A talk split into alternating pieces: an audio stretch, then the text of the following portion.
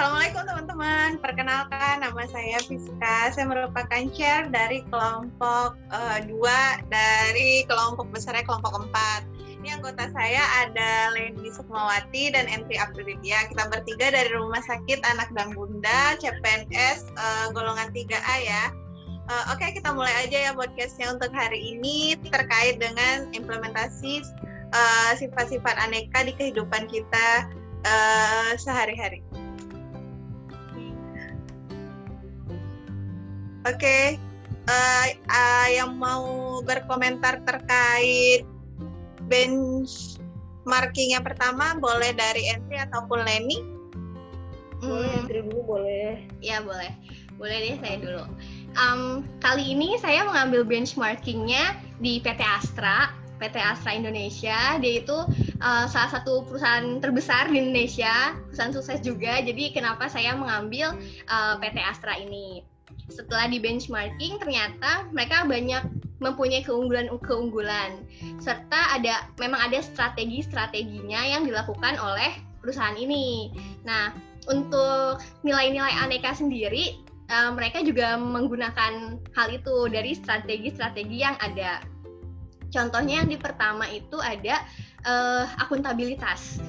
Di sini PT Astra menerapkan kepemimpinan yang sangat bagus. Dia sistemnya itu udah bagus. Jadi uh, karyawan-karyawan yang masuk itu di training dulu selama tiga bulan mengenal tentang PT Astra ini dikasih tahu nanti kerjanya seperti apa bukan dikasih tahu tempatnya aja tapi uh, divisi-divisi lain yang terkait kadang kan kita kalau misalnya masuk ke suatu perusahaan atau um, ke tempat kerja biasanya dikasih tahu tempat tentang tempat kerja kita sendiri kan. Tapi ini dikasih divisi dikasih tahu divisi-divisi yang lain juga jadi lebih mengenal kayak gitu. Terus di sana juga um, kepemimpinannya bagus itu dari segi akuntabilitasnya uh, terus bertanggung jawab juga jadi itu sih kalau dari akuntabilitasnya. Oh iya, dari lainnya ada mau ditambahin kak? Uh, berdasarkan dari benchmarking yang kamu dapat Len? Iya, kalau aku benchmarkingnya itu lebih ke individu. Jadi aku tuh ngambil uh, sosok Artijo Alkostar. Jadi Artijo Alkostar ini adalah dia uh, terakhir karirnya sebagai Dewan Pengawas KPK. Tapi karir yang paling pertamanya itu dia sebagai dosen. Nah setelah itu dia mungkin uh, bukan mungkin, tapi dia masuk PNS menjadi sebagai Hakim Agung di Mahkamah Agung dan dia juga sempat menjadi ketua Kamar Pidana Mahkamah Agung Republik Indonesia. Uh, jadi Artijo Alkostar ini adalah uh, dia seorang hakim. Uh, nilai-nilai akuntabilitas yang bisa didapat dari Artijo Alkostar ini dia seorang yang sangat jujur, sangat lurus dan berintegritas tinggi. Beras ini berdasarkan uh, pengakuan dari bawahannya dulu kan dulu dia, sebagai hakim hakim agung di Mahkamah Agung. Nah terus selain itu juga katanya si Artijo Alkostar ini uh, selama menjabat sebagai seorang hakim agung dia memiliki karakter yang sangat menjaga uh, independensinya gitu. Jadi dia tuh uh, tidak mudah digoyahkan oleh orang lain gitu. Jadi dia memiliki uh, integritas sendiri dan beliau juga tidak pernah mau untuk untuk menerima adanya tawaran-tawaran. Misalnya ada tawaran cek kosong atau adanya suap. Biasanya ini diterima atau ditawarkan oleh uh, orang-orang yang terpidana terutama terpidana-terpidana korupsi. Karena uh, Pak Artijo Alkostar ini banyak mengenangani uh, terpidana korupsi. Itu dari, dari aku dari nilai akuntabilitas yang bisa diambil dari Pak Artijo. Kalau yang kamu oh. gimana? Oh iya, nih dari aku sendiri aku ngambilnya tuh terkait dengan PT Sido Muncul. Nah, siapa sih yang nggak kenal Sido Muncul di Indonesia ya? Itu salah satu brand uh, jamu lokal Indonesia yang sudah diuji klinisnya dan mereka mempunyai laboratorium laboratorium klinis sendiri. Uh, saking mereka itu menjaga uh, ke apa ya ke kualitas dari produk-produknya.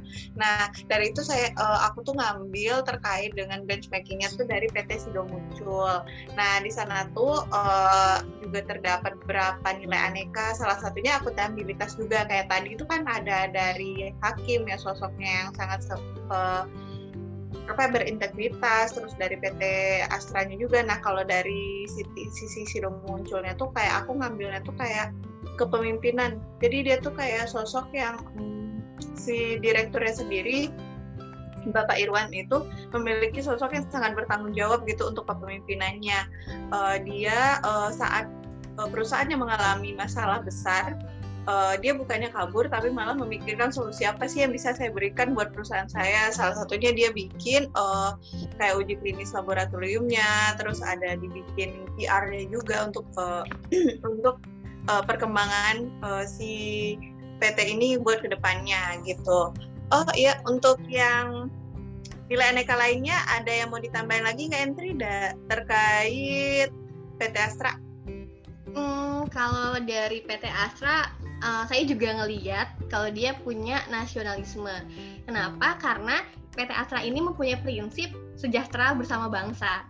Jadi um, di situ tuh mereka membuat kegiatan-kegiatan sosial di bidang kesehatan, lalu di bidang lingkungan, di bidang um, banyak banyak deh uh, lingkungan kesehatan, pendidikan juga ada. Di antaranya tuh bikin posyandu gratis, terus bikin pelayanan kesehatan gratis bagi banyak pasien, terus donasi kantong darah, kalau di bidang pendidikannya juga ada kontribusi dalam bentuk pembinaan kepada beberapa sekolah, guru, lalu ada paket beasiswa juga sama kalau lingkungan itu dia menanam banyak pohon dan melakukan uh, bantuan kewirausahaan. Nah, di situ sih kayak hmm, kecintaan terhadap Indonesia-nya terlihat ya sama dengan prinsip sejahtera bersama bangsa. Oke, okay, kalian mau ditambahin nggak? Untuk yang nasionalisme, kalau saya lihat dari Artijo Alkostar ini, dia sebagai seorang hakim sebenarnya uh, memiliki banyak peluang untuk uh, istilahnya menyalahgunakan wewenangnya untuk kepentingan dirinya sendiri. Tapi bagaimana dia memiliki jiwa nasionalisme sehingga dia pada saat menangani perkara, terutama perkara korupsi itu bagaimana uh, uang yang sudah merugikan negara bisa kembali lagi ke negara. Jadi bahkan dia itu tercatat sudah beberapa kali menangani, menangani perkara korupsi dan semua uang yang dari koruptor ini bisa kembali lagi ke negara. Mungkin itu sih yang mm, bisa terlihat dari dari jiwa nasionalisme seorang Artijo Alkostar iya iya iya bisa ya. Uh, nah dari PT Sido muncul ini, uh, saya juga dapat di uh, kayak apa ya? Buat jiwa yang ini kayak kan nasionalis sila-sila ya salah satunya tuh hmm. ketuhanan yang maha esa nih nah dia tuh kayak mempunyai sisi religinya kayak mempercayai semua yang terjadi atau yang dialamin keberhasilan di saat ini itu adalah atas uh, kehendak dari yang maha kuasa sendiri. Terus kayak dia tuh sifatnya rela berkorban. Dia rela mengorbankan uh, pendidikannya untuk mempertahankan perusahaannya untuk tidak mengalami kerugian lebih besar lagi. Jadi dia kayak uh, rela nih, aku nggak kuliah dulu, nggak melanjutkan kuliah, tapi uh, malah mengurusi perusahaan yang hampir kolaps saat itu. Hmm, kan masih banyak ya ini sisi sisi nilai-nilai aneka ya. Uh, entry ada yang mau ditambahkan lagi terkait etika publik, komitmen mutu atau anti korupsinya? Hmm, boleh. Di etika publik sih karena ini perusahaan swasta ya pasti mementingkan profit. Jadi etika publiknya pasti mereka memberikan layanan terbaik kepada pelanggan. Untuk komitmen mutunya sendiri di sini mereka punya teknik just in time. Jadi semua barang-barang yang ada itu dihitung benar-benar sesuai kebutuhan. Jadi kalau misalnya kadang-kadang kalau di misalnya di rumah sakit kita punya persediaan obat tuh banyak banget di sana, tapi pas expired date-nya udah mendekati mau expired, uh, persediaan obat itu masih belum dipakai gitu. Jadi banyak yang boros, banyak yang kebuang, nggak efisien. Nah kalau di Astra ini mereka menggunakan prinsip just in time, jadi semua barangnya itu dihitung berapa kebutuhannya dan mereka belinya emang segitu aja gitu, nggak punya uh, tempat nggak uh, memberikan tempat penyimpanan yang banyak. Jadi cost untuk menyimpannya juga rendah. Di situ sih efektif sama efisien banget kalau menurut saya ya komitmen mutu terus kalau anti korupsinya bisa dilihat uh, kalau PT Asra ini mengedepankan kerja keras. Paling itu aja. Oh, Oke, okay, En, makasih. Iya, makasih. Len, mau ditambahin nggak, Len? Kalau dari aku, berdasarkan artikel-artikel yang udah aku cari, jadi si, si apa sejarah-sejarah yang pernah Artijo Alkostar lakuin selama menjadi hakim sampai akhirnya dia menjadi dewan pengawas uh, eh, KPK yang pertama itu yang sangat menjaga komitmen mutu. Atau jadi dia tuh sangat memegang prinsip kode etik profesi.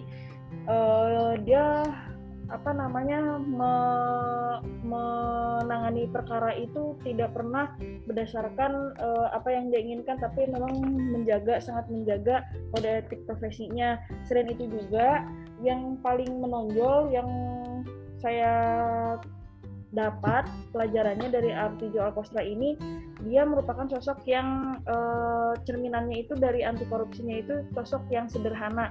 Jadi pada saat awal dia menjadi hakim agung uh, Pak Artijo ini bahkan sering naik bajai atau taksi untuk menuju kantornya uh, bahkan di awal karirnya sendiri karena dia belum memiliki rumah dinas. Jadi dia uh, mengontrak dulu di sebuah rumah di, di perkampungan di Keramat Kuitang di Jakarta Pusat sampai akhirnya dia dapat rumah dinas kemudian uh, mungkin membeli rumahnya sendiri.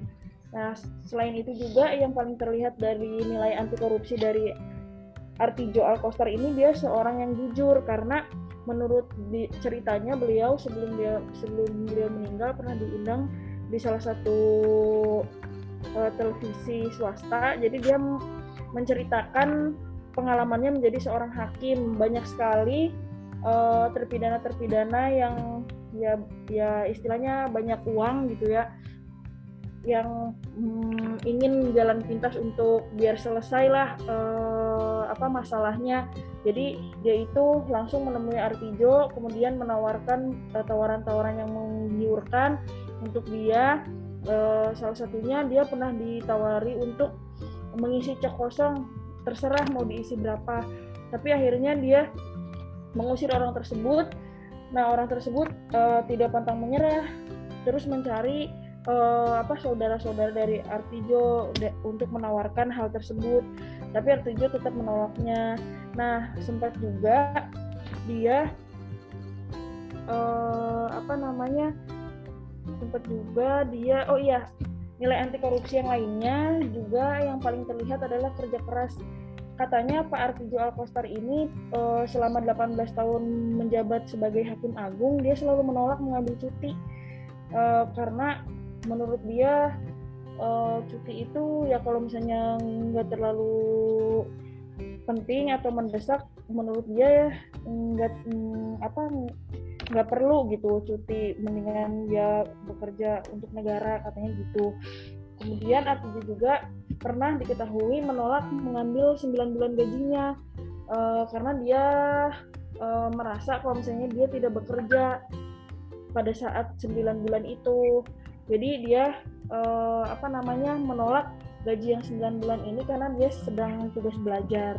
Gitu itu itu itu sih yang paling apa namanya yang paling menonjol dari jiwa sosok seorang Artijo Alkostar itu sih kalau dari inspiratif sekali ya.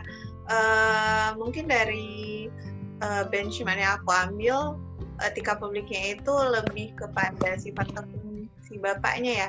Dia ulet dari awal uh, untuk membentuk PT ini. Dari hal kecil dia kumpul-kumpulin dari yang awalnya PT ini dari uh, cuman kayak apa ya kayak tempat pemerahan susu gitu berubah jadi uh, berubah menjadi toko roti dan akhirnya menjadi PT Sido muncul yang awalnya kayak nggak disukain oleh semua rakyat Indonesia karena apa ya jamu tuh identik dengan pahit dan nggak enak lah pokoknya. Dan dia kayak memikirkan e, gimana sih cara berubah? gitu. Gimana cara berinovasi terkait produk-produknya? Nah di situ juga ada komitmen mutu yang ter, kita lihat ya gimana dia me, me, apa sih kayak memberikan inovasi yang baru uh, buat jamu.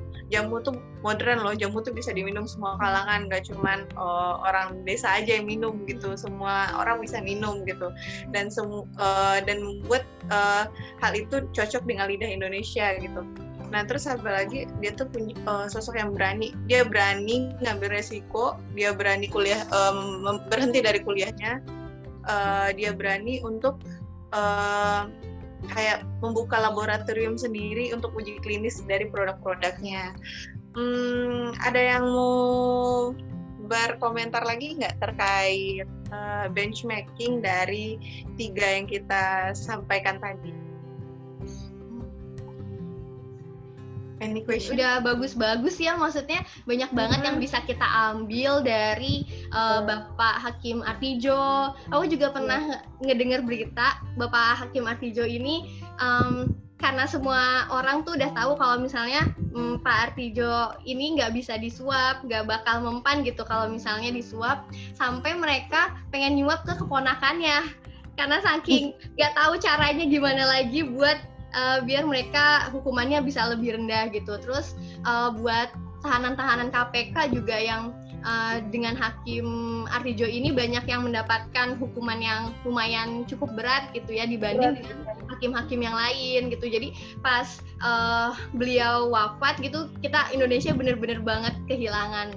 Semoga kita bisa mengambil semua yang baik dari Bapak Artijo ini dan mm, menerapkannya gitu di kehidupan kita ya. Amin. Amin. Uh, mungkin itu dulu ya kali uh, podcast kita hari ini. Uh, semoga dari diskusi kita tadi kita dapat mengambil pelajaran yang baik dan buang yang buruknya. Uh, Assalamualaikum warahmatullahi wabarakatuh. See you. Assalamualaikum warahmatullahi wabarakatuh.